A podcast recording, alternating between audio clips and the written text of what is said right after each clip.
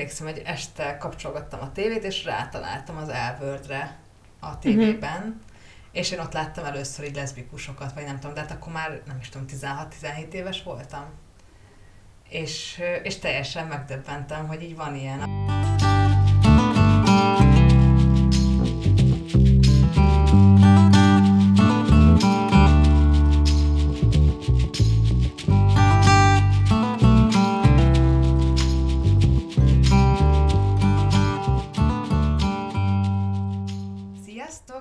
Köszöntünk titeket a saját szoba ötödik epizódjában, amiről már beszéltünk, nem az előző epizódban, hogy miről fogunk beszélni? Vagy Szerintem nem, nem, nem, nem. titkoltuk. Igen? Jó. hát a, igazából a kisebbségek reprezentációjában ról a filmekben. etnikai kisebbségek és uh, szexuális. Szexuális, szexuális. Hogy mondják ezt? Orientáció. Szépen? Igen. És talán egy kicsit fogunk érinteni könyveket is, meg más médiumokat, nem tudom. Én könyveket nem hoztam, csak filmeket. Jó, de szerintem lehet, hogy eszünkbe jut pár dolog, de majd meglátjuk. É, jó, és akkor én Móni vagyok. Én meg Patricia. Szia Patricia. Szia Móni. Akkor kezdjünk bele a... Melyikkel kezdjük? Szerintem kezeljük külön. Én, én jó, akkor, mert én már rögtön megkérdeztem volna ja, azt tőled, hogy tőlem. szerinted jó dolog-e a kvótázás? Fúha, azt hogy a végén jön ez Jó, akkor legyen az elején, hogy mit olvastál a héten? Ö, lehet, lehet, lehet. Jó. Akkor mondj valamit, amit ajánlasz. Hát, én most a Hétköznapi Szörnyetegek című könyvvel küzdök, ami több mint 600 oldal, és valahogy így nagyon nehezen megy, pedig amúgy érdekes a sztori, meg minden, de azt vettem észre, hogy ha így kicsiket van csak időm olvasni, mert pedig minden este csak, mit tudom én, ilyen 50-60 oldalt van időm olvasni, hogy nem tud annyira behúzni egy sztori föl, hogyha ilyen hosszú, mert nagyon-nagyon sok megszakítással olvasom. Uh-huh. Ja, De mesélsz róla, mi ez? Vagy mi, miről szól? Fú, ez egy ilyen Dickensi X-Men. Azt a érdekesen hangzik. Amúgy így érdekes, meg vannak benne tök félelmetes dolgok. Volt, hogy este inkább félre raktam, mert nagyon félelmetes volt. De amúgy jó. És te? Én, hát most, amit olvasok, az egy ilyen meditációról szóló könyv. Amúgy a Bárhová mész, ott vagy, az a címe. És, és nagyon jó kis ilyen nagyon jó flóba visz egyébként, ilyen nagyon nem is annyira gyakorlati, de hogy így valahogy így a, már, már az, ahogy olvasom, ilyen nagyon ki tud kapcsolni, és nagyon tetszik. Uh-huh. És uh, csinálod is, vagy vannak benne ilyen gyakorlatok? Vannak, de elég De nem elolvasom. csinálod Hát figyelj, amúgy nem olyan bonyolultak benne a gyakorlatok, szóval hogy van, amiket amúgy is szoktam csinálni. Például, amit ír, hogy hogy ugye azt, azt mondja, hogy alapvetően a meditációt az egy kicsit így túl gondoljuk, hogy uh-huh. így mi az, és hogy egy milyen ilyen tudatállapotba tud vinni, és akkor ott ilyen teljes nyugalom van, és ugye pedig az a lényege, hogy, hogy hogy csak ránéz a saját érzéseidre, meg hogy mi van benned, és ezt csak hagyd folyni, és akkor így nem tudom. És akkor vannak erre ilyen, ilyen technikák, amiket meg amúgy is csinálok már például azt, hogy néha, amikor mondjuk érzem, hogy mondjuk elkezdek szorongani egy picit, vagy, vagy valami olyan helyzetben vagyok, vagy kicsit stresszesebb, és érzem, hogy egy kicsit telítődöm, akkor automatikusan egy pillanatra átváltok arra, hogy elkezdem a légzésemet figyelni, vagy vannak ezek mm. a hmm. grounding technikák, hogy így ö, meg koncentrálok mondjuk három színre, vagy három valamire egy a szobában, és akkor ezek tökre segítenek, és itt is nagyon hasonló gyakorlatok vannak, és ö, szóval nem is nagy dolog, csak az, hogy egy picit mondjuk ö, naponta egy nagyon picit tudatosan kerülj át abba, hogy most mi vesz körül, vagy milyen folyamatok mennek benned éppen, és nem arról szól, hogy akkor most ülj le, gondolj erre, lótuszüdés, mit tudom én, hanem egy sokkal ilyen rohanó barátabb, vagy nem tudom, de valahol meg ez a célja, meg ez a lényege igazából lenne. Ja, én is ezeket szeretem. De akkor te is szoktál meditálni. Igen. És akkor mehetünk a kótára, vagy? De a kótát a végén Jó. beszéljünk meg, mert először beszéljük meg, hogy miért fontos, vagy nem fontos ezeknek a kisebbségeknek a megjelenítése, és hogy utána megoldása a kvóta erre. Jó. Akkor mondjuk kezdem egy friss hírrel, hogy pont szerintem tegnap, vagy tegnap előtt jött ki, hogy az élőszereplős Így neveld a sárkányodat filmben egy fekete színésznő fogja játszani a viking Astridot, aki egy szőke-kék szemű lány. Hát ez ugyanúgy van, mint a kisablánynál volt, nem? Hát az egyik egy hal, a másik meg egy viking. nem. Hát értem, amit egy vikingtől jobban elvárják, hogy az kék szemű legyen és szőke, mint egy halt, egy hablánytól. Az nekem teljesen elképesztő volt, hogy a, ahogy ilyen 50 éves férfiak kiakadnak a Facebookon, hogy már egy hablány, az nem lehet fekete. Akkor szerinted mindegy, hogy milyen bőrszínű a hablány. Mindegy. Szerinted nem mindegy? Um, jó, akkor most nagyot ugrattunk. Megkeresem a kis hablányos részt a jegyzetemben. Várj, nem, menjünk sorba. Vagy ne, mondjad. Szóval szerinted nem mindegy?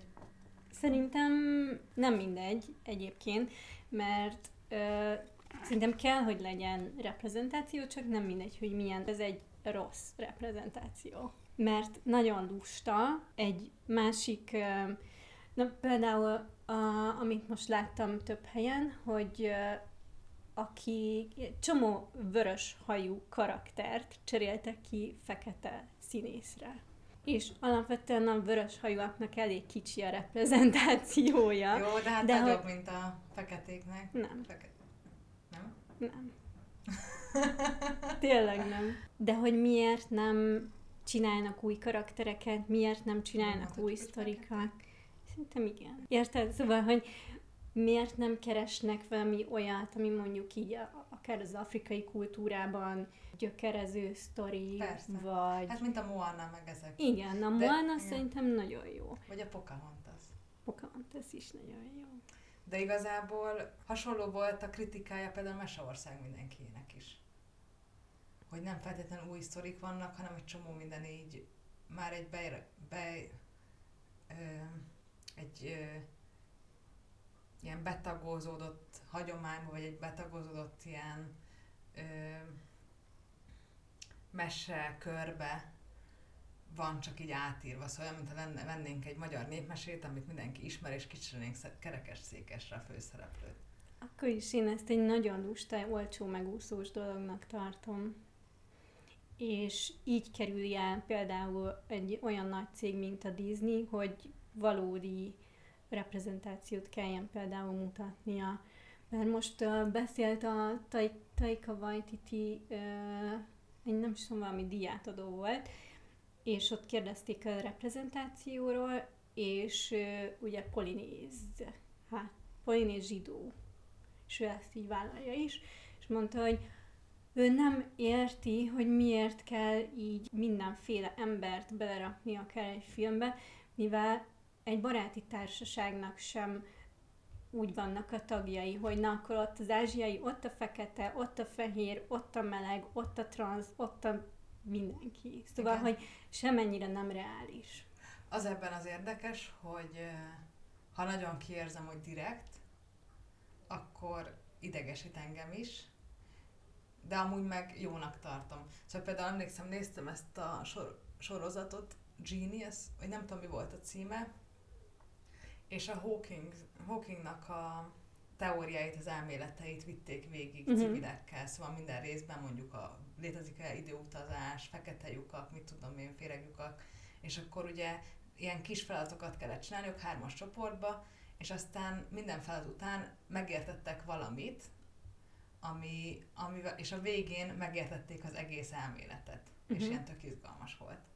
És minden részben volt egy indiai, egy nő, egy fekete, egy fehér, csak ezek váltakozva, és minden részben, és ott például zavart. Azt éreztem, hogy így nagyon figyelnek arra, hogy mindenki sze- ö, lehetőséget kapjon, és nem tudom megmondani, hogy miért zavart. Szerintem azért zavart, mert vagy hát talán azért zavart, mert nem, nem tudom, azt érzem, hogy így nem lehet ezt mindenek fölé rakni a, a kiválasztásnál, szóval, hogy, hogy annyi minden számít a műsor érdekében, vagy nem tudom, de hogy így azt éreztem, hogy ez ilyen fura, hogy ezt rakjuk mindenek fölé, így a, Igen, a és amit mondasz, én ezt mondjuk nem mindenféle. láttam, de hogy ott van-e bármi funkciója annak, hogy ők milyen etnikumhoz tartoznak. Nem. Mert szerintem ez is baj, hogy csak így bármivel behelyettesíthető, érted az adott karakter. Igen. Csak így, jó, mondjuk ez szerintem jobb, mint a kishablányos megoldás. Igen. És amúgy nem tudom, láttad, de, de a kishablányban most úgy van, hogy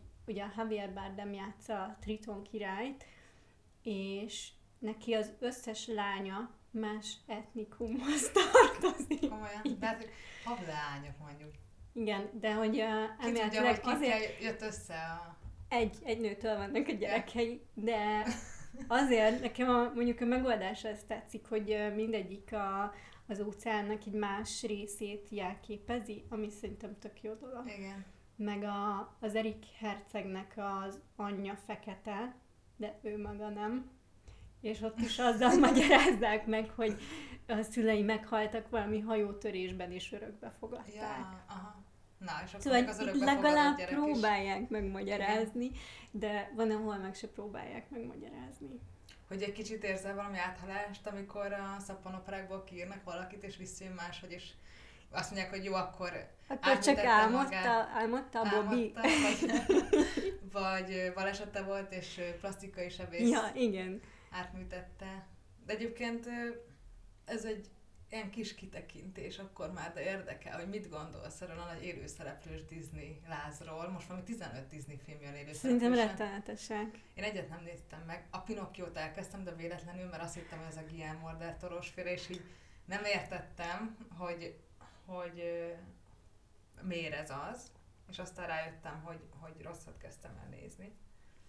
És a, azon kívül semmit nem láttam, viszont ami a legjobban zavar az, hogy a macskarisztokratákat is megcsinálják, valahogy így heróton van azoktól a filmektől, amikben állatok beszélnek, Fú, attól nekem Há, is. amikben élő És állatok az oroszlán király is olyan volt. Na, azt Ú, se de láttam. rossz volt. Fú, én A moziban Herkulest láttam. is megcsinálják, ahogy láttam. Ja, láttam én is. És nem értem, hogy miért. Annyira jók a régi Disney mesék. Olyan munka van bennük a rajzolásban, meg nem tudom, Igen. ilyen nagyon, nagyon-nagyon művészileg is nagyon-nagyon szépek, és nagyon jók, és nem tudom elfogadni azt, hogy a mai fiataloknak nem lehet megmutatni mondjuk a régi Disney-t, mert azt mondják, hogy Jézusom mi ez, hanem nekik le kell forgatni újra élőszereplősen. Nem értem, hogy, hogy ez, ebben van, hogy ez tényleg ennyire nagy rá a kereslet, vagy ennyivel jobban megfogja a gyerekeket, mint a rajzfilm, vagy így valamit nem értek. Én nem tudom, én se értem. Én semennyire nem tudok így kapcsolódni, annyira rosszak ezek a filmek, de ami szerintem például jó ezekből az időszereplősökből, amikor új sztorit találnak ki, mint a Demónánál. Szóval, hogy akkor legalább valami kis kreativitás legyen benne, ne a rajzfilm legyen snitről, ja. snitre. Vagy mondjuk a Cruella, a szörnyella, Na, az is, igen. vagy a Joker. Szóval, hogy azért Ez- lehet máshogy hozzányúlni, és szerintem az nem is baj, hogyha máshogy nyúlnak hozzá, de akkor legyen annak funkciója. Igen. Igen. Hát főleg az, hogy snitről snitre leforgatjuk. Igen. Igen. Hát kicsit most ennek a reunionoknak, meg mindennek a korát éljük, hogy így, Azért, mert az emberek lusták, és nem akarnak új dolgokat kitalálni. meg a biztosra mennek, mint mondjuk most jön a Harry Potter sorozat. Ja. Szóval mindenben, ha már valami bevált, akkor csinálják meg újra. Úgy is megveszik. Igen. Mondjuk most engem is érdekel, most jön az Office, te nézted az Office-t? Nem, nem Az szeretem a vicces dolgokat. Én nagyon szeretem az Office, nagyon sokszor láttam, és jön egy új Office, amiben ő lesz a főszereplő. Uh-huh. És nagyon izgatott vagyok, hogy milyen lesz, kíváncsi vagyok. Fú, nekem ezekkel is nagy problémám, mert ugye megcsinálták a szellemírtókat női főszereplőkkel, nézhetetlenül szar volt. Aztán megcsinálták az Ocean's Eleven női verzióban. Azt lát, én az Ocean eleven nem láttam, de szerintem azt láttam, abban van a két, két Blanchett. nem? Igen. Meg, meg igazából az összes Ez is nagyon rossz nagyon volt. Szeretek. Nem tudom amúgy, hogy eldönteni, hogy rossz voltam, mert egyet se láttam azon kívül, mm. az egyen kívül, és az, az pont olyan volt, mint amit vártam. Szóval nem véletlenül nem láttam a többi. Na szóval ö, megcsinálják az neveld a sárkányodat. Igen. Az nekem eleve, az annyira friss nekem még az a rajzfilm, vagy lehet, hogy már Igen, hogy vagyok. minek? Igen. Nekem Most is így az még volt. a... A... harmadik Igen. rész, nem igen. De most ugye a Pán Pétert is kihozták. Mondjuk a kukapitányt imádtam gyerekként. mert a filmet, Igen. a hukkot. Igen. Azt én is nagyon-nagyon Szóval szerettem. az is te vagy az első ember, akinek tetszett rajtam kívül. Igen. De egyébként nem is értem, mert azok tényleg jók, hogyha így, így De az is egy tök hozzá. más sztori Igen. volt, és ott Nagyon is jó nagyon volt. jól nyúltak hozzá. Igen. Na viszont, amit, uh, amiről így akartam beszélni, kicsit így visszacsatolva az előző részhez, hogy amiben szerintem nagyon jó a reprezentáció, az a Bridgerton. És abban ilyen tökre empowering. De az volt az első nagyon, ami így kibaszta a biztosítékot, nem, hogy így Igen, az eléggé kibaszta a biztosítékot a rasszistáknál. Mert egy nemes fekete volt. Igen, meg ugye a királynő fekete. Igen. És azóta vannak ilyen mindenféle összeesküvés elmélet videók, hogy de ő miért volt fekete igazából, nem volt fekete a Queen Charlotte igazából, hanem voltak mór felmenői, de 700 év választja el őt és a mór felmenőit. Viszont azért ebből szerintem tök jó sztorit kreáltak így a Bridgertonba, mert azzal, hogy ő feleségül megy a királyhoz, így a, a több fekete család is kap ilyen nemesi címet, és akkor sokkal inkább bevonódnak ebbe a, az elitbe. És azért gondolod, hogy jónak a reprezentációt? Uh, jól megoldották Aha. szerintem, és amúgy teljesen fikció ott is, de hogy, uh, hogy ilyen, ott van funkciója, meg is van magyarázva, hogy miért. Igen, ez egyébként, ez egyébként nagyon nehéz, mert most így belegondoltam mondjuk, hogy volt ez a, amit elkaszáltak. Ugye a legtöbb ilyen LMBTQ karakter főszereplőjű dolgokat, azokat elkasszálják. Mert igazából gagyik, nagyon sokszor gagyik, és csak az LMBTQ emberek nézik tízszer meg, vagy nem Mhm. tudom, szóval az az egyetlen nézettségi forrás. És a legtöbbet már én is úgy nézem, hogy gagyi, és már nagyon nehéz néznem. És aztán örülök, hogy elkasszálják, mert tudom, hogyha nem kasszálnák el, nézném. És Csak azért is. ne, De ne, amúgy- igen. Uh, ezt akartam kérdezni az elején, csak elfelejtettem, hogy neked mennyire fontos, hogy a saját, saját magadat lásd viszont My mondjuk people. egy igen sorozatban vagy filmben, vagy így kell neked a reprezentáció? Na, hát igen, most volt egy ö, ilyen, vagy részt vettem egy, egy kutatásról, vagy nem tudom, és akkor pont így a, ezekről beszélgettünk, hogy így a szerepek, meg hogy gyerekkorban kiket lát az ember, meg nem tudom. És akkor gondolkoztam el ez, először ezen úgy igazán, hogy, hogy, ö, hogy nekem nem volt olyan karakter, akivel így nagyon azonosuljak a, se, se mesékbe, se filmekbe, se könyvekbe. Szóval aki, vagy hát más, más szempontból volt mondjuk, mm, akik így, hogy mert mondjuk szerettek olvasni, vagy szerettek elvonulni, vagy nem tudom, ezek a, ezek, ezekben mind megtalálja az ember a reprezentációt.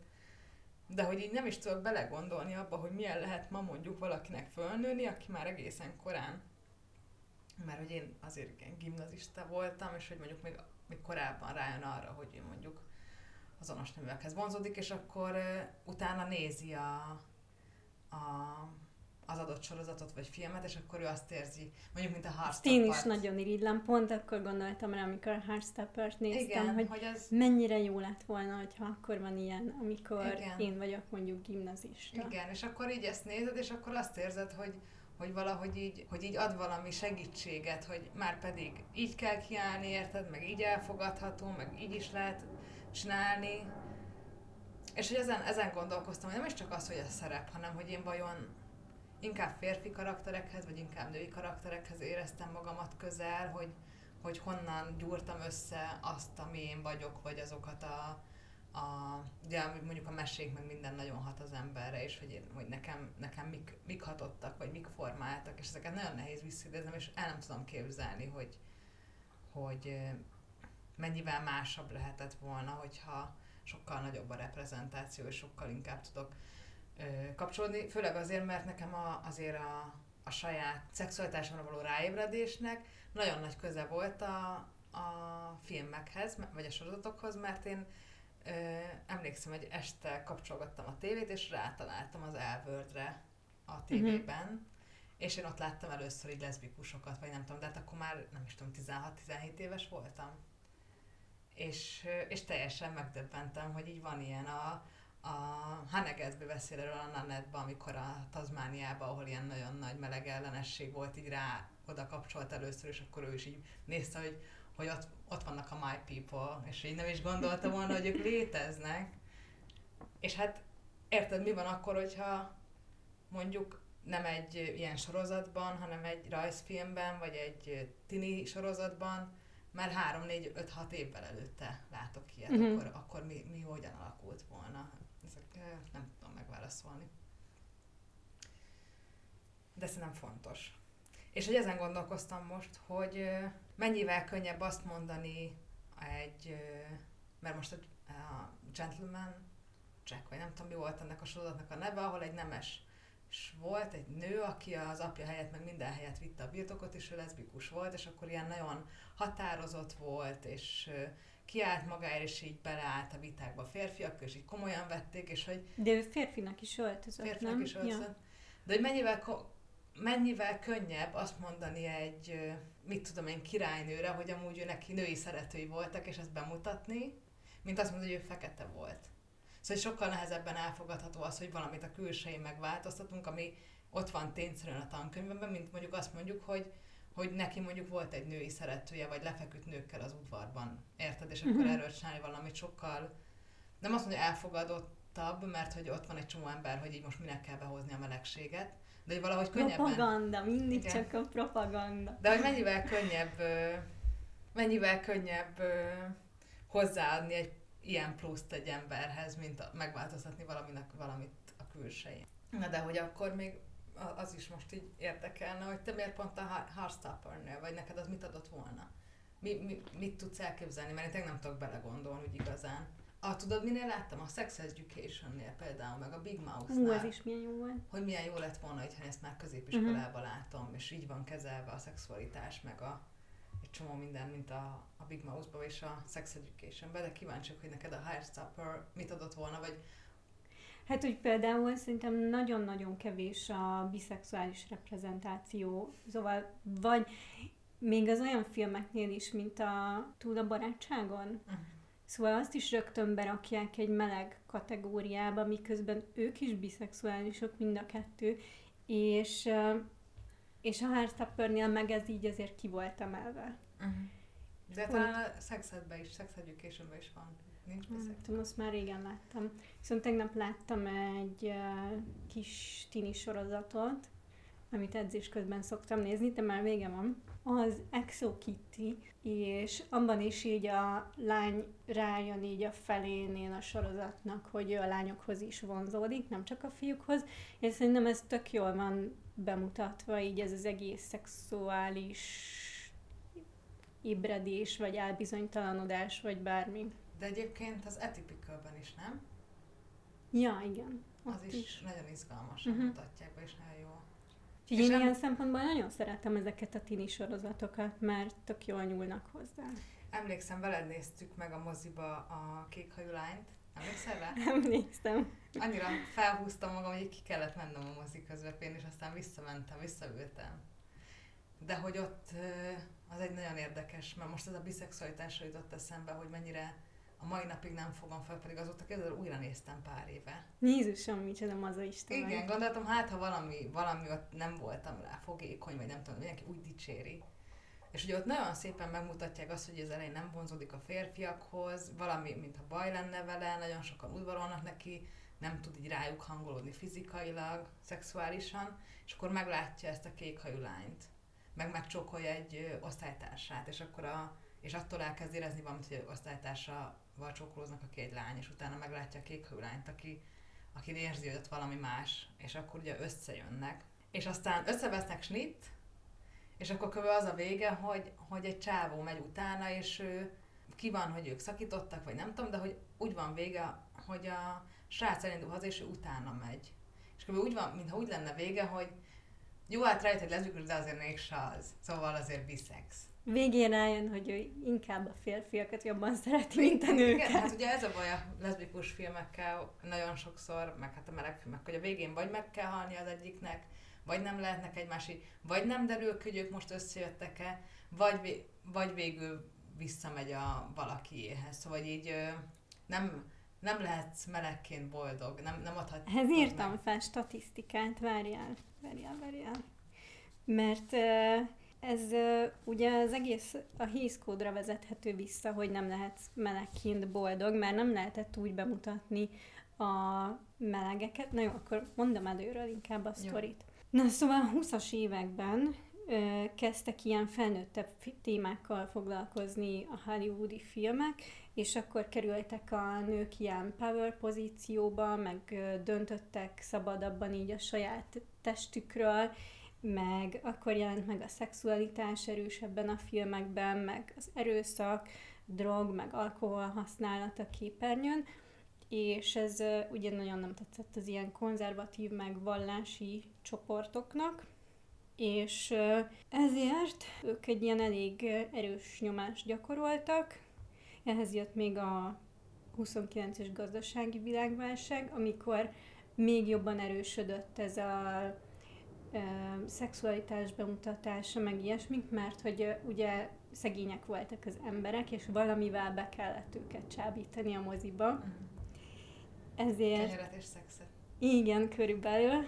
30-ban uh, találták ki ezt a HÉSZ kódot, és 34-től kezdik el bevezetni, és egészen 68-ig és ez micsoda? volt. Az volt a lényege, hogy nem készülhet olyan film, aminek a morális standardja alacsonyabban van, mint a nézőké, és akkor nem lehetett mesztelenséget bemutatni, erőszakot, nem erőszakot, szexualitást, a homoszexualitást csak perverzióként lehetett bemutatni. Akkor tulajdonképpen a, a filmek ilyen szempontból nagyon megmutatják a jelenlegi morális állapotát a társadalomnak, hogy mennyire aljasodunk folyamatosan. Szóval minél több minden kerül, annál aljasabb a... Hát nem, mert ez most már nincsen. Értem, de... Azt mondtad, hogy még ennek a... Hát ennek a hozománya az egész, mert akkor ez így mindenre hatott, így a kosztümöktől kezdve a vallás megjelenéséig, és addig, hogy még a házas párok is külön ágyban aludtak a filmen, és mindig nyakig föl voltak öltözve. És uh, nyilván ez így a... házasság. Igen, fehér, uh, hetero, konzervatív férfiaknak készültek utána gyakorlatilag a filmek és lehettek melegek a filmekben, de meg kellett halniuk a végén, hogy nehogy vonzó legyen ez az életmód bárki számára.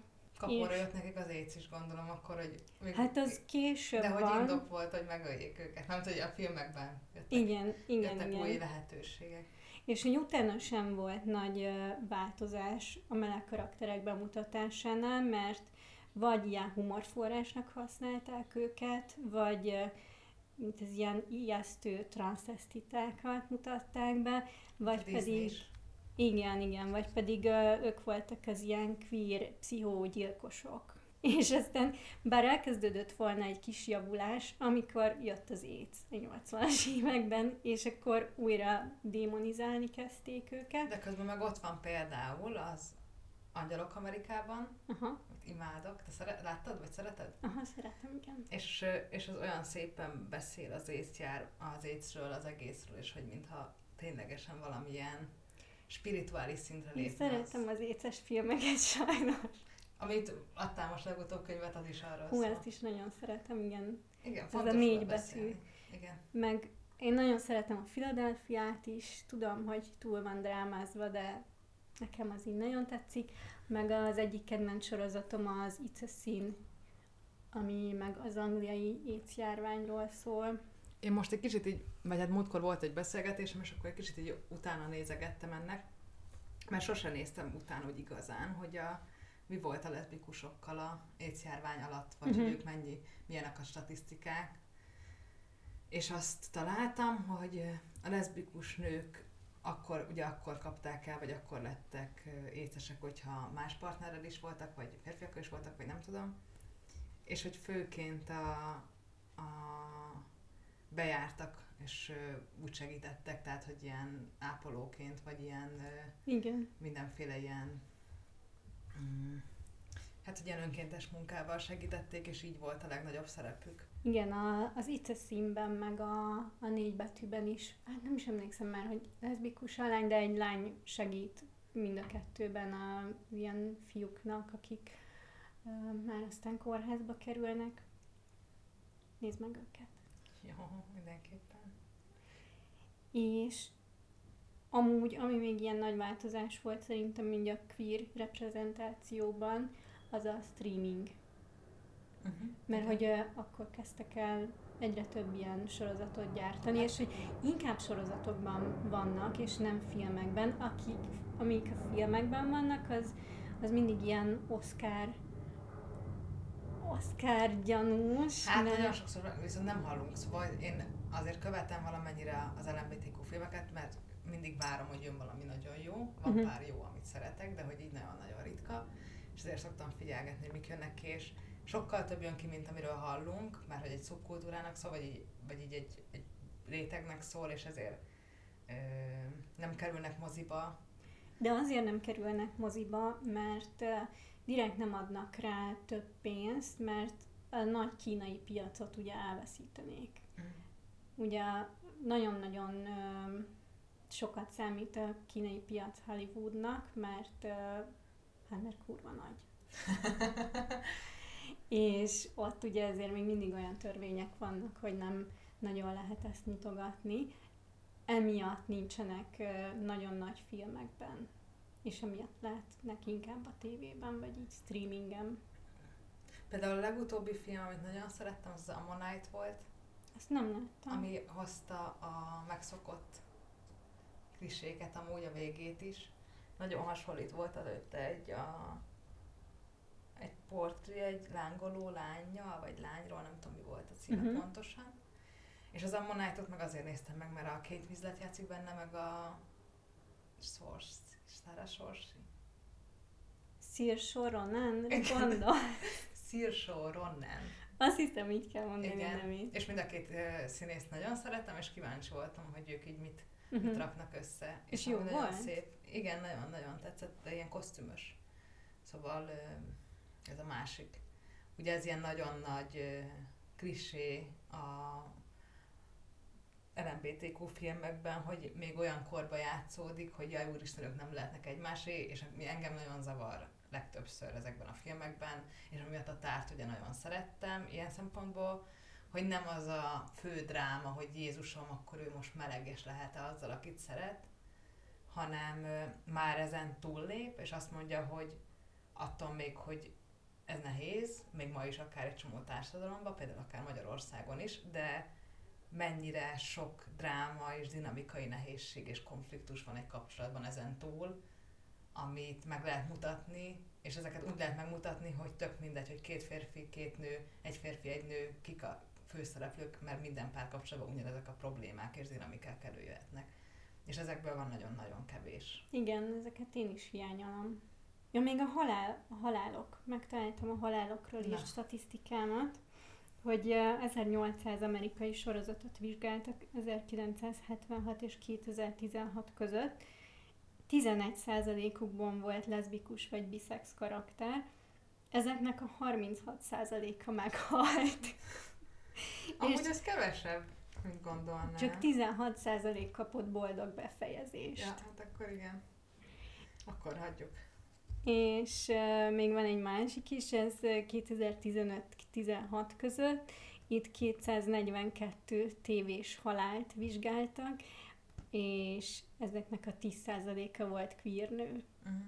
Ami hát elég szomorú szerintem. Igen. De ez szerintem ez a Hays Code-ból maradt meg nagyon így Igen, az erről- amerikai filmkészítésben. Erről majd a kvótázásnál beszéljünk, meg ezen, szerintem nagyon sok mindenhez kapcsolódik majd ott, hogy a, a mennyire lehet túllépni a már megszokotton, Uh-huh. mármint a, a Disney meg filmesítéseken, mennyire lehet valami újat létrehozni a semmiből, mennyire lehet elszakadni a hagyományoktól, és hogy a kvótázás ez miben mozdítja el ezt, szóval szerintem erről majd mindenképpen beszélünk, de ez, ez, mind, ez mind kapcsolódik hozzá. Azt És a queer codingról még mondasz valamit? Vagy A- elmondod, hogy ez micsoda? A Disney-s, Disney féle? Hát ez nem csak Disney filmben van, hanem alapvetően létezik a queer coding filmekben. A queer coding, amikor uh, alapvetően olyan úgy maszkíroznak, vagy úgy mutatnak be queer karaktereket, hogy azok ilyen nagyon ellenszenvesnek, vagy ők tűnnek a gonosznak, vagy a rossznak. De egyébként ez megvan a mindenféle kisebbség, a legtöbb kisebbségnél, szóval a feketéknél is. Uh-huh. Mármint, hogy az, hogy így őket ilyen kicsit ilyen negatívabb karakterként. Hát, hogy nincs kimondva, hogy ők kvírák, hanem akár úgy öltözködnek, vagy olyan gesztusaik vannak, amiből arra asszociálsz rögtön. Igen, hát ugye a Disney mesék erre ö, nagyon jó példák, hogy a, a legtöbb Disney főgonosz, azok ilyen nagyon feminimek, és így úgy vannak sminkelve, ilyen nagyon durván vannak sminkelve, ilyen szemhéj, a szemhéjuk meg nem tudom, ilyen nagyon ö, ilyen nagyon neurotikusak, vagy ilyen hisztérikusak, és ilyen nagyon nőiesek, és ilyen nagyon... Pont ezen gondolkoztam múltkor, hogy hány olyan, vagy most akkor megkérdek téged, hogy hány olyan mesét tudsz mondani, amiben a főgonosz az egy toxik, maszkulin férfi.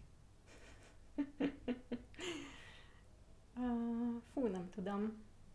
És nem egy ilyen nagyon női, mert még az ilyen Cartoon network is gondolkoztam, és ott is az összes ilyen, ami ördög, vagy férfi, vagy nem tudom, azok mind ilyen magas sarkúba, a Dexter Laboratórium, vagy nem tudom, miben volt a, a Powerpuff körben, mindenhol magas sarkú, ilyen nagyon nőiesek, és hogy amik meg eszembe jutnak ilyen nagyon toxik, maszkulin karakterek mesékből, gyerekkoromból, ők mind jók voltak. Szóval ők így megmentők voltak. Például kicsoda?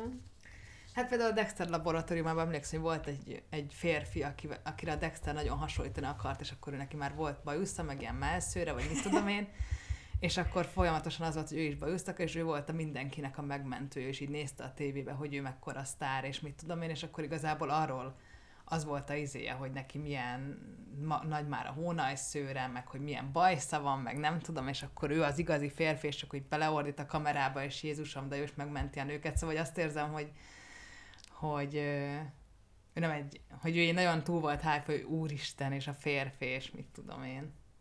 Ő, ő az, akire emlékszem. És még a Johnny Bravo van bennem, de ő meg annyira nőies szintén, vagy annyira ilyen metrosexuális. Nem tudom, soha nem néztem. Én csak én ilyen disney lány vagyok. Viszont a Disney-nél tudom, hogy volt egy uh, nyíltan meleg karaktertervező, aki nagyon sok ilyen queer kódolt uh, karakterdizájnért felelős. Viszont ezzel szerintem az a baj, hogyha ugye a negatív karakter lesz mindig a meleg, akkor ez így a, magának a melegségnek a negatív megítéléséhez vezet, akár tudat alatt is, de hogy így ott lesz. Igen, persze. Hát de ugyanez, hogy ugye, hogyha a feketéket mindig olyan szerepekbe rakjuk, akkor valahogy arra erősítünk rá a társadalomba, hogy ők mindig a banditák, ők mindig azok, akik... A gangsterek. Igen. Igen. És uh, tudsz jó példákat mondani mondjuk ilyen queer filmekre vagy sorozatokra? Uh-huh. Nekem ami nagyon tetszett, ilyen szempontból, leszbikus szempontból, hogy a tár, ö, nagyon jónak tartottam a Duke of burgundy ami egy ilyen BDSM kultúráról szóló film, és egy párkapcsolatról szól, akik történetesen leszbikusok, de egyébként tök mindegy. Szóval azt éreztem a, a film végén, hogy ez bármilyen nemű emberekkel játszhatták volna, az, amiről szól, és ahogy bemutatja a BDSM-nek a érdekességét, problematikusságát, akármi, az, az minden kapcsolatban ugyanúgy ö, ö, feljöhetne. És ezen kívül, hát az Atypical szerintem jó, mert nekem azt tetszett, uh-huh. nem is számítottam rá, mert a másik, ami, ami nagyon tud idegesíteni, az az, hogy ö, már a, a film vagy a sorozat elején tudod, hogy na ők fognak összejönni. És nem tudom, ezt a hetero filmeknél is lehet ennyire érezni? Persze. Igen? Igen. Akkor nekem nagyon tetszett a Killing Eve is, amiben Hú, ilyen... milyen szexi volt az a nő. Hú. A Vilene? Igen. Igen. És abban, in... igen. Akkor nagyon tetszik a, a Please Like Me is, azt is nagyon szeretem. Micsoda? Please Like Me. Azt nem ismerem. Meg a Tuca and Bertie, ami egy ö, animációs sorozat, és abban is a, az, a bisex az egyik karakter, és nagyon szépen mutatják be. De van amúgy jó pár, csak nagyon kell utána menni, megkeresgélni. Kids are alright-ot láttad? Igen. Nekem az is nagyon tetszett. Igen. Meg a Carol, de én annak a könyvverzióját is nagyon szeretem, meg nekem, ami még nagy kedvencem, az a Moonlight, Uh-huh, igen. Meg és a... a, szerintem fekete reprezentációban is iszonyú jó film, meg úgy alapvetően egy nagyon-nagyon jó film. A sült zöld paradicsom. Ja, igen. Meg a bíbor szín. Azt nem láttam. Hú, nézd meg, vagy inkább olvasd el a könyvet. Jó. A könyv sokkal jobb, mint a film szerintem. Meg én még felírtam a Rocketment is. Uh-huh. Azt én nagyon szeretem, meg az órákat. Igen, azt, azt nagyon. De hát az egész Virginia Woolfnak az egész életműve valahogy, ami így át van ezzel itatva, meg a... Mondjuk a róla készült filmet nekem nem tetszett, ami a vitának Én ezt nem és is az ő láttam. szerelmét mutatja be, az nekem nem, nem, nem tetszett. Például Rakowskinak a VS-ét nagyon szeretem, és ott is nagyon kevés jó ö, könyvet olvasom. Nagyon sokszor érzem azt, hogy, hogy azért van benne LMBTQ karakter, mert az elviszi marketingben. Uh-huh. Igen, ezt én is érzem. De nagyon szeretem a törvényen kívül és belült, ami még így a kommunizmusba írodott a, a Gobi Hildának a nem azt mondja, felesége, de hát a barátnője írta, akit úgy hívnak, hogy Galgóci Erzsébet. És igen, a Rakowskinak a Viesa, aki szint, ami szintén egy, egy ö, má, létező karakterről szól, ugye Vaj Sándorról, aki, aki férfiként öltözött, és úgy adta ki magát, és egy magyar, azt hiszem magyar gróf volt, és róla szól, és az ő életéről. Szóval ő volt az első ilyen, vagy nem első, de hogy ő a, ilyen transz reprezentáció igazából. Uh-huh. És te mennyire értesz egyet azzal, hogy uh, kell-e kvíreknek játszani ezeket a szerepeket? Mert ebből azért van egy nagy vita. Igen. És uh, például a Ben Whishaw mondta, aki ugye egy meleg férfi, hogy uh, szerinte abszolút nem, mert hogy ők ezért színészek, mert hogy el tudjanak játszani mindent, és hogy ennyi erővel meleg se játszhatna heterót, és az meg mennyire hülyeség. Igen, ezzel, a, ezzel amúgy egyet is értek. Mármint, hogy, hogy pont ezért, amit mondok, hogy a, az, hogy milyen egy kapcsolatban lenni, és milyen dinamikák vannak, vagy milyen szerelmesnek lenni, vagy milyen veszekedni, vagy mit tudom én, az annyira független attól, hogy ti milyen neműek vagytok. Az tény, hogy ha azonos neműek vagytok, és egy olyan országban éltek, ahol az nem elfogadott, ott vannak plusz konfliktusok.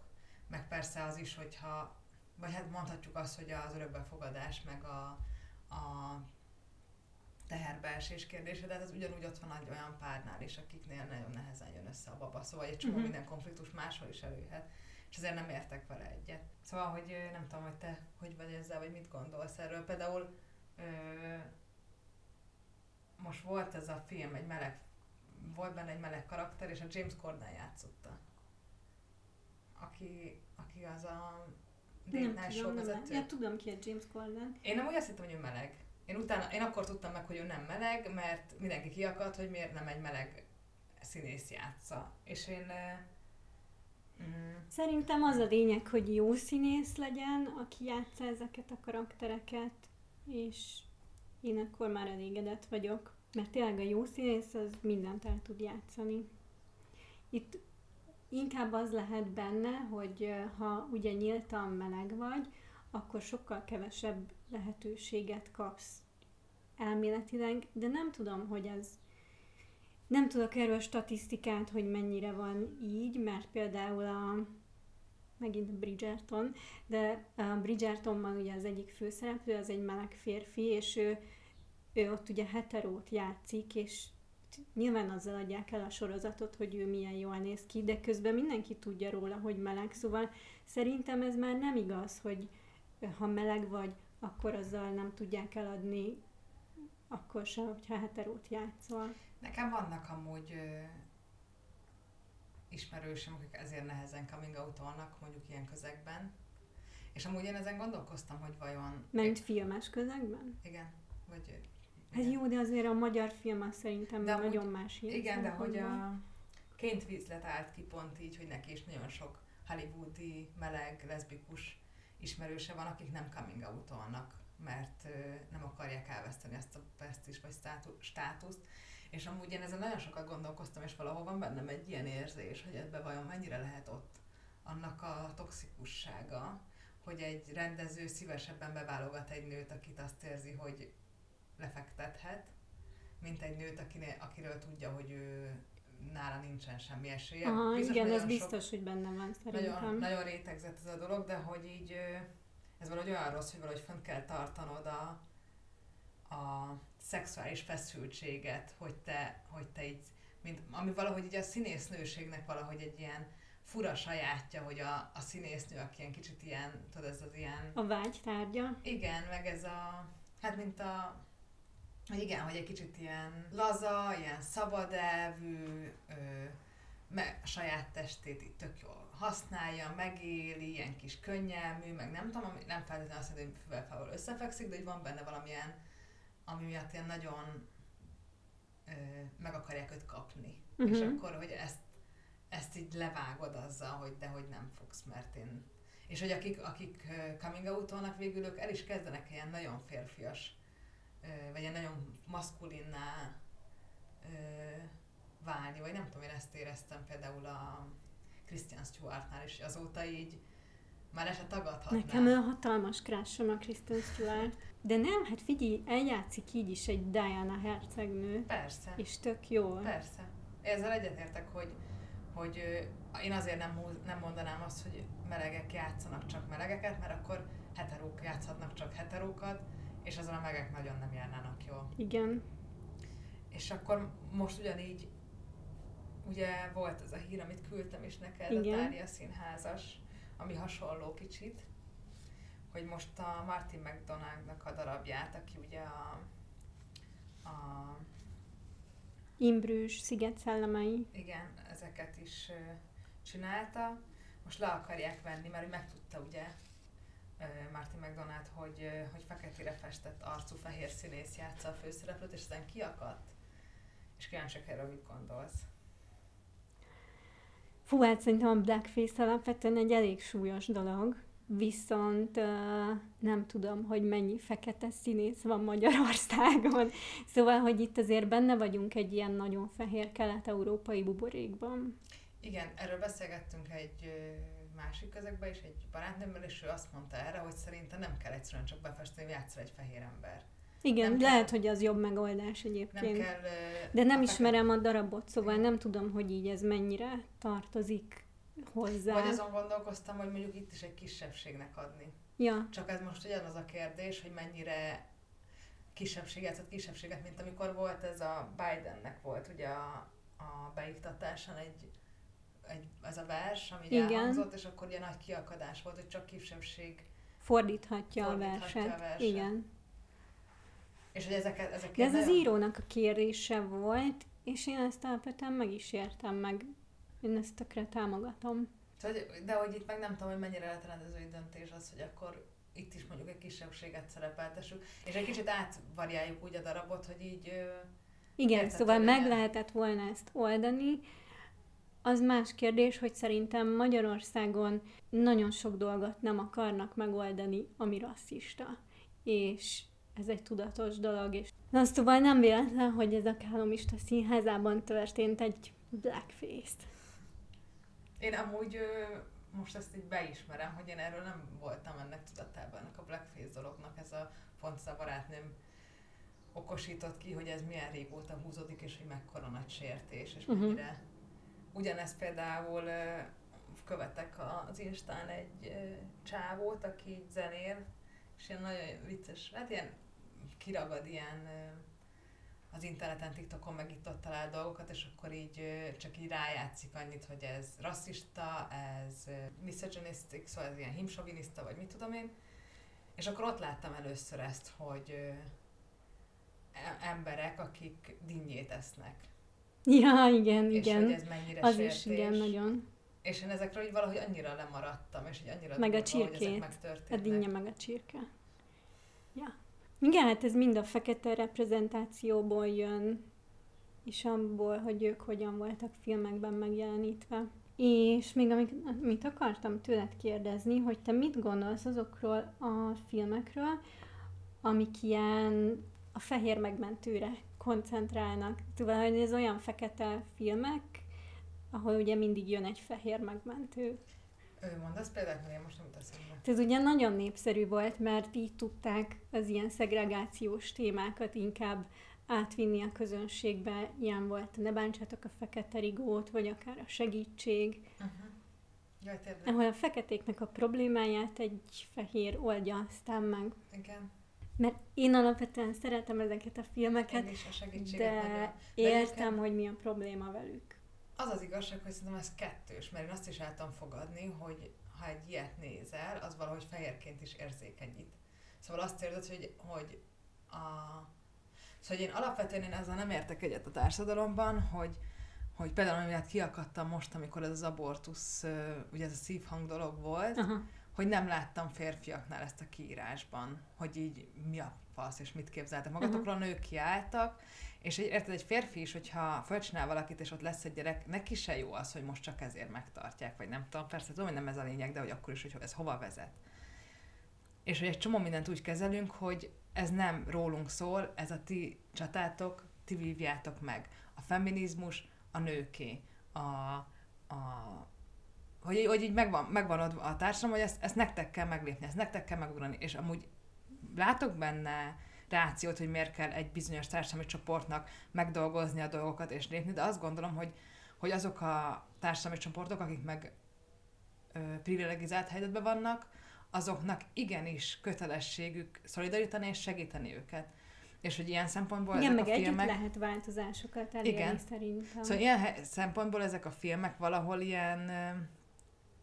Van bennük valami jó üzenet is nekem, hogy neked lehet privilégiumod, lehet tök jó, tök jó oktatás, vagy egy, szóval egy tök jó családba születtél, egy jó oktatási rendszer van mögötted, vagy nem tudom, és hogy így, hogy ez, és hogy így ráébredsz arra, vagy fölismered azt, hogy mások nem ilyen szerencsések, vagy más társadalmi csoportoknak milyen, és te úgy döntesz, hogy a saját privilégiumodat, a saját hatalmi helyzetedből segítesz nekik, ami neked jár. Például, ha valaki mondjuk, ha valaki megteheti mondjuk Hollywoodban, hogy ő elér sok embert az instájával, akkor ő igenis segíthet kisebbségi csoportoknak ezzel, hogy változást érjünk el, és ilyen szempontból szerintem ez egy jó dolog is, mert mondjuk megmutatja azt, hogy neked lehet erre felelősséged, és te tudsz változtatni, és igenis képes vagy arra, hogy segíts azoknak, akik nem olyan szerencsések, mint te.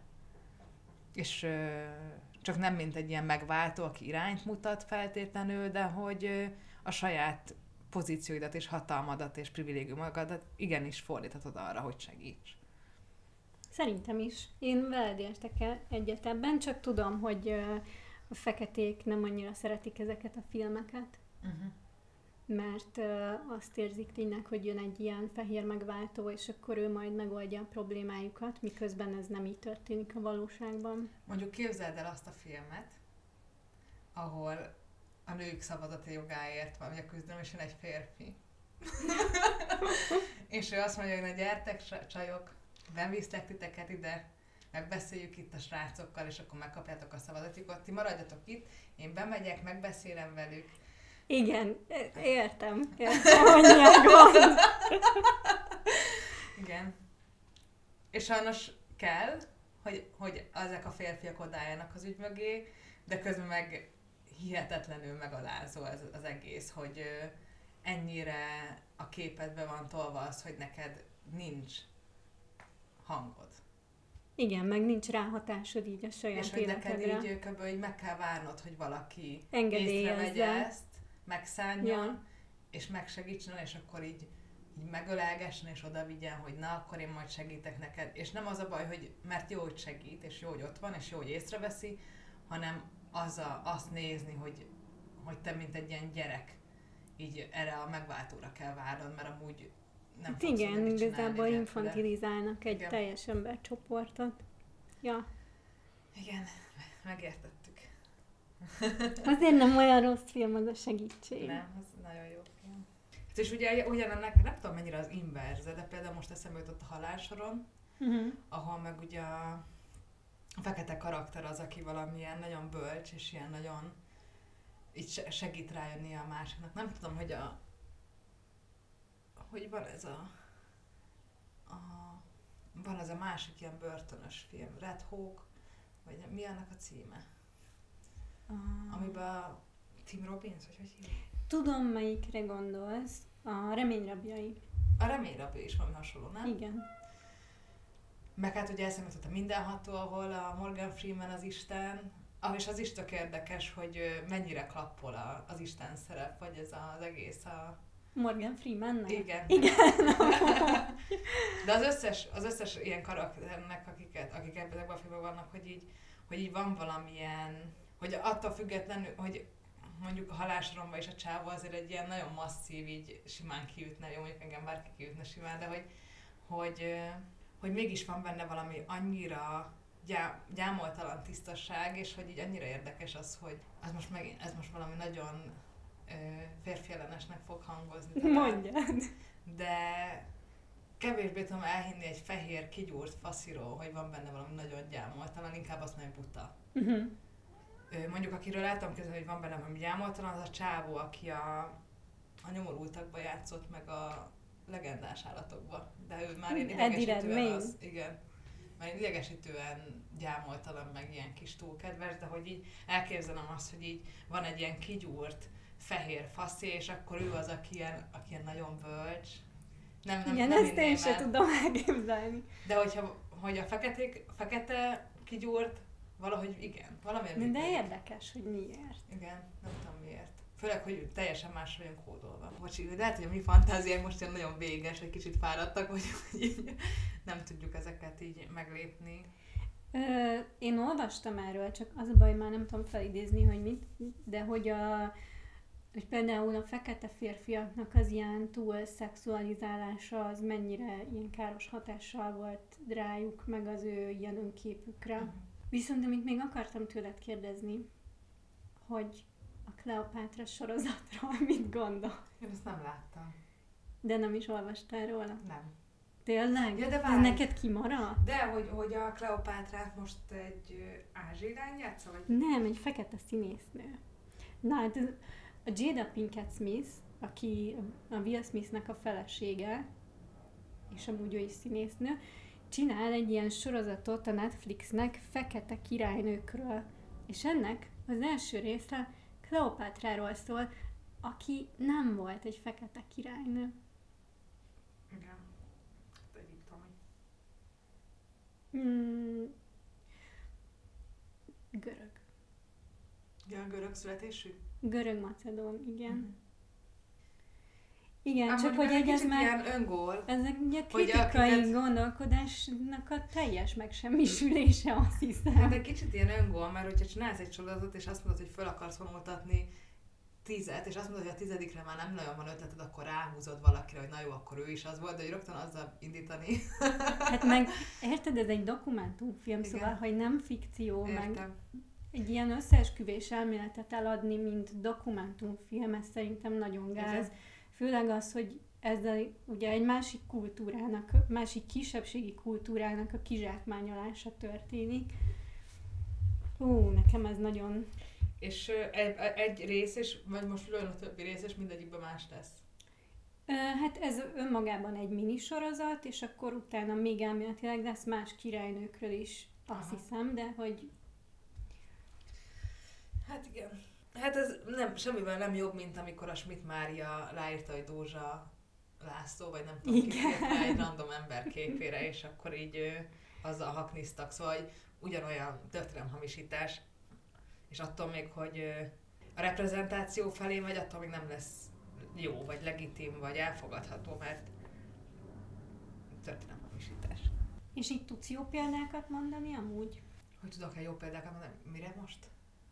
A fekete reprezentációra, vagy nem feltétlenül fekete, hanem ilyen etnikai kisebbség. Szóval, amit tudom, amit mostanában volt, az a 3000 számozott darab, amit a legutóbb is mondtam. Nagyon nehéz, mert vannak filmek, amiket nagyon szeretek, de nem biztos, hogy jó a reprezentáció. Például a Django-t is nagyon szeretem, de nem tudom azt mondani rá, hogy ez mondjuk jó. De hogy ott meg ilyen, mert hogy mégiscsak egy ilyen bandita szerep, de hogy mondjad, hogyha neked van, és akkor utána én is mondom. Hát nekem rajzfilmekből van sok, mert én nagyon szeretem a Moánát, a Kokót, az Encantót, Meg ami még szerintem nagyon-nagyon jó reprezentáció szempontjából az a Spider-Man Into the Spider-Verse. Uh-huh.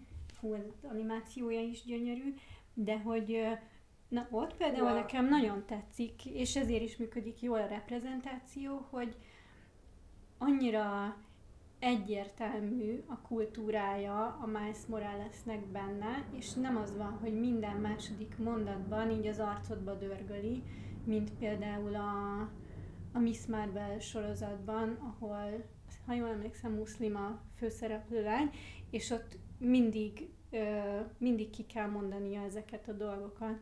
Szóval szerintem itt, itt van az, hogy valahol jól működik a reprezentáció, és teljesen a, kiegészíti a karaktert, és a részét képezi, és van a másik, amikor meg az arcodba van tolva folyamatosan, de hogy teljesen feleslegesen. A Spider-Man jutott eszembe, ugye ugyanaz a animáció ugyanazzal az animációs technikával készült az Intergalactic, uh-huh. ami Netflixen megnézhető, és az pedig egy fekete párról szól, egy ilyen romantikus vígjáték, vagy nem tudom, és az nagyon-nagyon jó, nagyon-nagyon szép lett, azt például ugyanúgy mondanám. Uh-huh. Meg a Hidden Figures-t láttad? Ö, szerintem Én nem. azt szeretem nagyon. Az nem rajzfilm. Igen, tudom. Nem, nem, az a fekete matematikus, vagy nem, nem is matematikus, fizikus. Ö, mindegy, fekete názás nőkről szól. Akkor láttam. láttam. Azt én imádom. Azt én is, és a Benedict Cumberbatch is játszik, nem? Vagy az, nem. Ja nem, az a másik, az is egy kódolós. Az az Imitation Igen. Game, amiben ő egy Igen. meleg férfit játszik. Mint az Ellen Turingot. És egyébként, ami még nagyon, hogyha már rajzfilmek, az a Zootopia. Ja, ezt én is imádom. És abban nagyon, van egy nagyon jó YouTube csatorna, amit meg szoktam néha nézni a videóit, és egy rendező, egy ilyen amatőr rendező és egy pszichológus beszélgetnek a filmekről, és akkor az utópiáról csináltak egy részt, ahol az implicit biasról beszélgetnek, ugye ezek az ilyen előítéletek uh-huh. így bennünk vannak, és hogy ott is ez a hogy hogy kezelik a rókát, mi a, meg, a ugye a, kik azok a pozitívak, ugye a nyuszik, a, nyuszia, nem tudom, és hogy így hogyan, hogyan hogy hogyan kezel, és ilyen tök szépen bemutatja ezeket a, a, a rasszizmust, az előítéleteket, ahogyan feltételezzük, hogy XY viselkedni fog csak azért, mert oda született, csak azért, mert az ami, és ezeket hogy lehet meglépni, és hogyan lehet ezeket a, a, az adott félnek meglépni, hogy az ő rá kivetített társadalmi nyomás vagy projekcióban ne álljon bele, hogy ő most felveszi azt a szerepet, amit ugye a társadalom rá projektál, és közben meg te hogyan tudod megváltoztatni az előítéleteidet. Szerintem ezek így nagyon Igen, pont emiatt szeretem nagyon azt a filmet, mert olyan jól benne vannak ezek az előítéletek. Hú, még ami így eszembe jutott, csak most a felírt filmekkel kapcsolatban, ez is ilyen nem régi hír, hogy ugye a Lilo és Stitchből is készül uh, élőszereplős változat. Ezt olvastad? Nem. De a filmet szereted, vagy ezt láttad? Nem láttam. Nem is láttad a Lilo és Stitch-et? Rajzfilmet láttam pár részt. Ja. Ezekből az ilyen tévéből még. Ja, de a rendes filmet. Azt nem láttam. Ú, pedig az nagyon jó. Nekem az egyik kedvenc rajzfilmem, és az ugye Hawaiion játszódik. És azon borultak ki, hogy az egyik főszereplő lánya, aki a Nanit játsza Lidónak a testvérét, az nem olyan sötét a bőre, mint a rajzfilmben. De egy Hawaii lány játsza, meg hogy... Értem. De hát ezen ugyanúgy mondjuk kiakadtak a...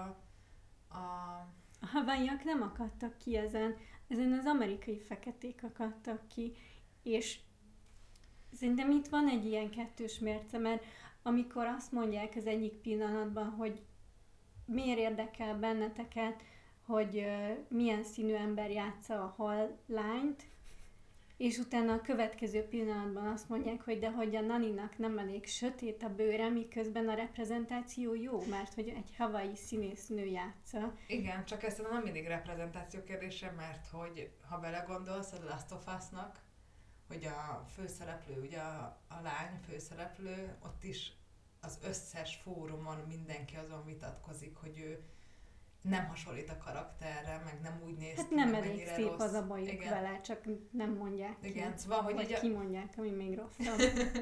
Szóval azt érzem, hogy ez már nem is attól függ, hanem az, hogy az XY-nak hogy van a fejében, és miért máshogy néz ki, mint ahogy a te fejedben van. Szóval miért... De ez bőrszínre volt kihegyezve Azt értem, nagyon. csak hogy szerintem attól függetlenül is ki vannak az emberek, hogyha nem úgy castingol valaki, aki, ami nekik így Ja, szerintem is megfelelne. egyébként. De hogy például, hogyha mondjuk fordítva van, mert az éhezők viadalában, a könyvben a Katniss, ő kicsit ilyen latinosabbnak van leírva, amit most az új filmben a Énekes Madarak és Kígyók balladájában ott már egy ilyen latinobb színésznőt castingoltak főszereplőnek, és ott tök jól működik, de hogy azért a Jennifer Lawrence messze nem az, Igen. és itt meg azért nem volt kiakadás. Hát de ugyanúgy a Last of Us-nál azon is kiakadtak, hogy volt az a rész benne, ami ilyen nagyon a melegségükre volt kihegyezve, a Pedig az villéknek. ilyen jó rész volt. Nagyon szép volt, és ugye a játékban ugyanúgy elég erősen van utalva meg minden, csak hogy ugye pont az a jó, hogy aki, azt hiszem, aki a, a játékot tervezte, meg írta, meg mit tudom én, ő elég aktívan részt vett a sorozatnak a készítésében igen. is, és hogy hagy bízzuk már rá, hogyha ő egy, egy szálat, egy mellékszálat ki akar bontani, mert pont ez a jó sorozatban, ugye amiről az elején beszéltük, hogy miért kell csak ugyanazt visszaadni, mert az unalmas, meg lusta, hanem ő még pluszba hozzárak olyan dolgokat, amik miatt akik mondjuk a Last of Us-t végigjátszották már négyszer, azoknak is tud valami újat adni, egy plusz hátteret a, a film. Képzeld el, milyen izgalmas lett volna a Harry Potter, hogy még plusz Ja, valamit hozzáad, igen. mint amit a könyvben olvasol, és akkor a filmben olyan dolgokat is kimondanak, vagy bemutatnak, amik a könyvekből ö, kimaradtak, vagy nem mentek bele. Meg ugye a Last of Us-ban szerintem azért is fontos volt azt a sztorit kibontani, mert tök jól kapcsolódik az Elinek a saját megéléseihez, meg az ő sztoriához. És a izé jutott most még eszembe, hogy így beszélgetünk, a Brooklyn Nine-Nine. Én ezt nem néztem. Tudom, sejtettem, mert nem szeretem a vicces dolgokat, de hogy, hogy ott a, fő, a, a főkapitány, aki a, a rendőrségen van, és oda jut, ő is egy fekete ö, faszi, és hogy ő így meleg is, és nagyon sokat beszél arról, meg nagyon sokat utalnak rá, hogy ő hogy ért el oda, ahova, és hogyan állt ki magáért, és aztán uh-huh. hogyan támogatja a közönséget, és ilyen nagyon empowering nézni, meg ilyen nagyon hát egy ilyen nagyon jó főnök, vagy ilyen szigorú, de mégis azért ilyen nagyon emberséges, meg ilyen apa figura is nagyon sok embernek ott, szóval, hogy ilyen nagyon jó így nézni, vagy nem tudom. Ez nem tudok hozzászólni, mert ezt nem ismerem. Még egy érdekes adatot így bedobnék a végére, mielőtt kvótázunk, Jó. hogy... Ö, nagyon a kvótát akarom. Ezt tudom. Ezek 2021-es adatok, amikor a... Hát nem írtam fel, hogy hány darab, de ha jól emlékszem, talán a 250 legnépszerűbb filmet nézték meg, és ott 41% ö, főszer- a főszereplők közül 41% volt nő, és abból 32% volt ilyen etnikai kisebbség. Ami szerintem amúgy tök jó arány olyan szempontból, hogy Amerikában 39,9%-a nem fehér. Igen. Hát az egy megint egy másik kérdés, hogy a nőknek a reprezentáltsága, meg ők milyen szerepet kaphatnak, amiről beszélgettünk Igen, az Oscar arra kapcsán. majd szerintem így máskor Megvan egy be- meg igen. külön, ja. Akkor Imádom a számokat. Teljesen jó. Én is szeretem, csak uh, imádok nem, nem csinálni semmit, vagy lusta lenni, és nem készülni rendesen a részekre, vagy nem tudom. Szóval, hogy uh, a kvóta. Kell-e a kvóta? Szerintem kell. De hogyan? Milyen formában jó a kvóta? Az az igazság, hogy én, én azt vallom, és szerintem erről már szintén beszéltem talán a tárban, hogy azért fontos a direkt reprezentáltság, mert a művészek nem nagyon tudnak a hagyománytól elrugaszkodni. Szóval, hogy, hogy ha egész gyerekkorodban ö, De várj, a művészek, vagy inkább a társadalom? A művészek se. Szóval, hogy azt akarom most mondani, hogy nekem például van egy ismerősöm, lehet, hogy ezt már mondtam, nem tudom, mondtam-e már, de hogy, hogy ő gyerekkorunkban, vagy fiatalkorunkban ő is írt, és ő, ő nagyon sok, ő főleg külföldi szerzőket olvasott, nem olvasott magyarokat, és neki nagyon fura volt, nem tudott úgy írni egy regényt, vagy egy novellát, hogy annak a karakternek a szer- neve mondjuk az legyen, hogy Mari. Vagy Pál, vagy nem tudom, mert fura. Én ezzel tudok azonosulni. Mert Max a karakter, vagy Mhm. Mary, vagy nem tudom. És hogy én meg, aki ugye nagyon sok kortás magyart olvasok, nekem nem fura, sőt, hát tök okés, hogy mondjuk Szegeden játszódik valami. És hogy itt jön be a kvóta, hogyha azt mondod, hogy, hogy egész gyerekkorodban és egész végig ilyen impulzusok érnek, és ez a, az, ami, amit fogyasztasz és olvasol, amikor te leülsz írni, fura, vagy nem, ilyen nagyon furán érzed, vagy nem jut eszedbe, hogy lehet nekik magyar nevük. Nem jut eszedbe, hogy lehet a főszereplő egy tolókocsis. Nem jut eszedbe, mert hogy leülsz, írni akarsz egy regényt, adott egy nő és egy férfi mondjuk. És hogyha, mert az egész hagyomány, meg amikkel találkozol egész gyerekkorodban valahogy ez van, és azon kívül azt érzed, hogy már így direkt beviszed el. És hogyha minél több bet kvótázunk, és minél több mindent kap az ember, el tudom képzelni azt, hogy mondjuk akik most nőnek föl és fiatalok, és ők rengetegféle reprezentációt látnak már, hogyha leülnek egy papírra egy regényt írni, vagy egy forgatókönyvet, akkor már nem lesz evidens, hogy egy, egy férfi és egy nő, és egy két, két fehérről szól, vagy két, vagy, vagy ne lehetne benne mondjuk kerekesszékes, vagy bármilyen ö, kisebbség, mert ö, ezek már ott lesznek, és nem, nem fogják ilyen furának érezni. És ez az, ahogy egy a hagyományhoz valahogy van egy ilyen, hogy nem akarunk kirekesztődni, vagy nem akarjuk azt, hogy egyrészt, hogy ne legyen belőle pénz, meg bevétel, egy csomóan ugye így csinálnak forgatókönyveket, meg hogy nem akarod azt, hogy a szakma kivessen, vagy ne, ne értsen, vagy nem tudom, ahhoz nagyon kísérletezőnek és nagyon merésznek kell lenni, hogy te meglépj olyan dolgokat, meg aztán áld mondjuk a, a sarat, vagy a kritikát, hogy mit csinálsz, és miért csinálod ezt. És, és ez az, ami, amit mondom, hogy szerintem kapcsolódik ahhoz is, hogy miért nem mernek újítani, hanem már meglevő meséket visznek át, és ott variálnak picit. Szerintem ugyanez a lélektani dolog van mögötte valahol, meg, meg ugyanúgy, hogy miért nem tudjuk a Hayes skálát. Hm? Mi volt? Hayes kódot? Szóval ugyanaz, hogy miért nem tudjuk a Hayes kódot valahogy levetni, mert hogyha valami beivódik a hagyományba, és nagyon sokat kapjuk, és látjuk, akkor valahogy nagyon nehéz 180 fokos fordulatot venni és levetni, és most valahogy a MeToo, meg ezek a mozgalmak mind ezt akarják, hogy nem azt akarják megvárni, hogy szépen lassan ez majd átalakul, hanem hozzunk be olyan dolgokat, amik, amik ezt ilyen gyökeresen változtatják, és csak azért is vegyünk 180 fokos fordulatot, de érzi a társadalom, hogy itt, hogy itt nincs átmenet, hanem itt ez, ez egy ilyen erőszak. Uh-huh. De nem tudsz más, hogy ha egész gyerekkorodban külföldi regényeket olvastál, nem tudsz úgy behozni egy magyar karaktert, egy magyar nevű karaktert, hogy ezt ne érez erőszaknak. Ja, egyetértek vele teljesen. De mondj valamit még mellé.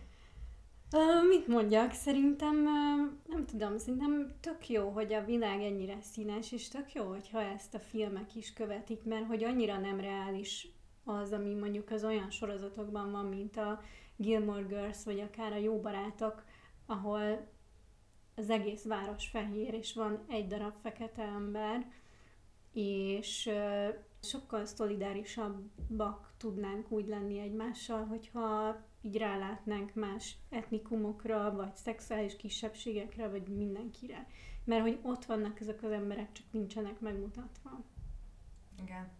Még így a kvótára visszatérve, az olyanokat viszont teljesen hülyességnek tartom, mint amit az Oscarnál akarnának csinálni, hogy akkor lehet nevezni a filmet legjobb filmnek, hogyha elég divers a kasztja. Uh-huh. Igen. Szóval, hogy ez nem, nem reális semmilyen szempontból. De azt is gondolom, hogy ez mondjuk pár év, és utána visszastabilizálódik. De mi érted, hogyha egy fekete sztorit akarsz megcsinálni, akkor bele kell tuszkolnod feleslegesen értem mondjuk egy fehér persze. karaktert, vagy... Igen. Uh, szóval ilyen szempontból Hát gondolom ez sokszor a, az alkotás ellen megy. Szóval, uh-huh. hogy a, az, hogy a mondani valót úgy add át, ahogy szeretnéd, ö, az ellen megy. Neked gondolj bele most a Mulánba, hogyan raksz bele akár egy fehér vagy egy uh, afrikai karaktert? Ez a sárkány. Ja. Ja, ezek az élőszereplős dolgok, ezekkel nem fogok megbarátkozni. be nem beszéltünk így a női reprezentációról annyira, de ugye többször feljön a női kvóta, és hogy nem kellene külön kategóriákba helyezni mondjuk a színészeket. De vannak női és férfi legjobb szereplők. Persze, csak hogy mostanában ugye több beszélgetés is volt róla, hogy nem kellene, hogy ezek a kategóriák külön legyenek, uh-huh. meg ugye vannak a nem bináris színészek, akik, nagyon bonyolult, akik ez... nagyon szeretnék, hogy ők valahova bekerüljenek, de én például róluk azt gondolom, hogyha ő nem binárisként elvállal egy női szerepet, akkor ő a női kategóriába kerül. Tudod, én erről azt gondolom talán, hogy én a kuratóriumokat és a zsűriket kvótáznám. Azt mindenképp. Mert ö, nehéz az, hogy mondjuk egy zsűriben ott ül, mit tudom én, öt fehér 50 pluszos férfi, akik megszokták, hogy mi a film és mit tudom Igen. én, és azt mondjuk nekik, hogy és ti most a kvóta szerint döntsetek. Még hogyha azt mondod, hogy a, a zsűriben van mindenki, mindenféle reprezentáció, és hogy ők fájtolják le. És akkor azt mondja valaki, hogy oké, okay, mondjuk meleg vagyok, és itt ez a meleg film, de nem jó. Igen. És az viszont jó. Igen, teljesen egyetértek, zsűriben kellene ezt inkább elintézni. És... Uh... Zsűriben kell elintézni, a pénzosztásba kéne elintézni, ugyanúgy a kuratóriumok, a pályázati lehetőségek, meg mit tudom én, ott kéne elintézni, hogy minden, hogy mondjuk, vagy valamire való izé, ami pályázatot azt legalább legyen. Mint például nálunk a Szipirodomnál nekem ezt el is mondták a kiadóban is, hogy, hogy nem annyira megtérülő verseskötetet kiadni, de muszáj, mert akkor nevezheted magad szépirodalmi kiadónak, hogyha kiadsz verseskötetet is, uh-huh. és mhm. mondjuk azt mondani, hogy pénzosztóként legalább havonta, vagy nem tudom, fél évente egy olyan kisebbségi csoportról készült filmet ugyanúgy meg kell támogatnod, mint valami mást, ilyen nagy pénzekkel, meg mit tudom én, szóval, hogy, hogy itt kéne elkezdeni ezeket, és nem már a, mert nem tudod összehasonlítani egy Oscar filmben két filmet, ahol az egyik harmadannyi támogatást kapott, vagy ö, harmadannyi ö, figyelmet, vagy ö, mint például, ahogy a két Blanchett tudja magát hype meg reklámozni utána, meg marketinget mögé rakni, egy kis független akármilyen filmstúdió, amit út mögé tud rakni, szóval nem lehet összehasonlítani. Igen, igen, igen. Az egész hátteret kéne valahogy Meg az, hogy nem attól lesz valami jó film, hogy ö, van benne reprezentáció. Igen, attól csak szerintem... jobb lesz. lehet jobb, Igen. de lehet rosszabb is. Mert hogy el lehet vinni a beszélgetést arra, hogy erre kihelyezett, hogy de hogy ebben van reprezentáció, de hogy közben meg, mint film, nem feltétlenül lesz ettől értékesem. Hát az ebben az érdekes, amivel talán az elején is beszéltünk, hogy én például ott találtam meg a reprezentációmat, és mi lett volna neked is mondjuk a Heartstopper, hogyha így kijön, hogy igazából én azt gondolom, hogy valahol ez is fura a mai világban, hogy annyira a nemiségre és a szexualitásra helyezzük azt, hogy te felfedez magad egy valamiben a mhm. világban. Mm-hmm. És, és azt gondolom, hogy hiába látok egy leszbikus karaktert, lehet, hogy eszembe nem jut, hogy én azonosuljak vele, csak azért, mert leszbikus. De ha látok valakit, aki tényleg szeret olvasni, vagy írással foglalkozik, nem tud belőle megélni, vagy, vagy vidékről költözik fel a fővárosba, vagy nem tudom, ezekkel a dolgokkal meg nagyon tudok azonosulni. És tök mindegy, hogy milyen a, hogy ő férfi vagy nő, tök mindegy, hogy milyen a szexualitása, és hogy annyira fura, hogy, hogy valahogy ennyire mostanában ezen van a hangsúly, hogy muszáj mert nagyon szó szerint veszünk szerintem mindent, és nem annyira tudunk absztraktan gondolkozni. Vagyis hát én úgy veszem észre ezt a társadalomban, hogy ez egyre kevésbé megy, és azt kell, hogy ott legyen teljesen konkrétan előtted, uh-huh. mert különben nagyon sokan nem értik. Uh-huh. Hát lehet, ez valahol szomorú. Ja, úgy szerintem is. És hát mi a, van valami verdiktünk, vagy várjuk a jó filmeket, amiben reprezentálódnak a nem tudom, én tisztában vagyok vele, hogy szeretek problematikus filmeket, amikben rosszul reprezentálódnak a kisebbségek.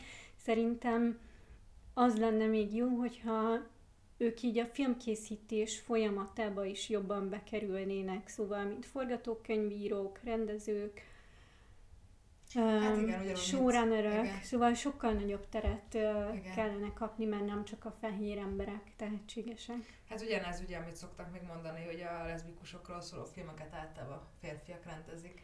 És ez Igen, nagyon sokszor látszik is, szóval néha olyan érzésem van, mintha egy pornót forgatna hát magának. például a, a... mi a neve annak a filmnek? Room and Rom? Nem, a kékhajú lányos. Igen, igen. Na hát az abszolút uh, ilyen férfi szempontból képzelt leszbikusság szerintem, Igen. és nekem az nagyon komoly problémáim volt azzal a De filmmel. hát a, a Room and Rom is ilyen, amit így néztem, és így azt éreztem, hogy hát ilyen nincs. Kb. tényleg az, hogy Rómában vannak egy szobában végig, Uh-huh.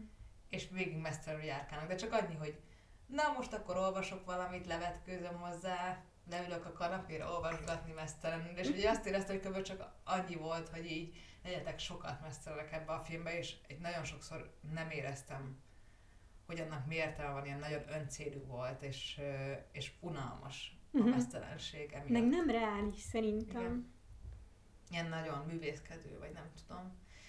Szóval, hogy, hogy igen, ugyanúgy, ahogy most behozták ugye azt, azokat a, most már van az- a foglalkozás, ugye, hogy, hogy arra kell figyelned, hogy egy szexuális jelenet az mindenkinek kényelmes legyen, és nem Mhm. tudom, szóval, hogy, Igen. hogy tök, hogy megjelennek ilyen új, Ez az intimitás koordinátor. Igen. Igen, ez a MeToo után jött be, és Igen. szerintem ez nagyon jó. és hogy ugyanígy mondjuk lehetne az, hogy mondjuk ilyen kisebbségekről szóló filmekben mindig meg lehet keresni valakit és bevonni a folyamatba. És Igen. akkor meg lenne az, aki mondjuk mindenkinek, minden, köztudatban lennének, hogy kik azok, akiket így ezzel foglalkoznak, és akkor őt meg lehet kérni, hogy így folyjon bele Uh-huh. egy-két részébe. Ja. És akkor nem fogunk semmit mondani a következő részről, mert nem tudjuk, hogy mi lesz, ugye? Vagy hát van három-négy ötletünk, majd választunk belőle egyet. Majd eldöntjük, mihez van kedvünk éppen. Jól van. De kiveséztük szerintem. Igen, úgyhogy nézzetek sok olyan filmet, amiben vannak queer emberek és színes emberek. És mindenféle kisebbségek, mert Csak többek Fontos. leszünk tőle, szerintem. igen, és olvashatok is olyanokat, és mindenféle dolog. És akkor a következő részben találkozunk. Sziasztok! Sziasztok!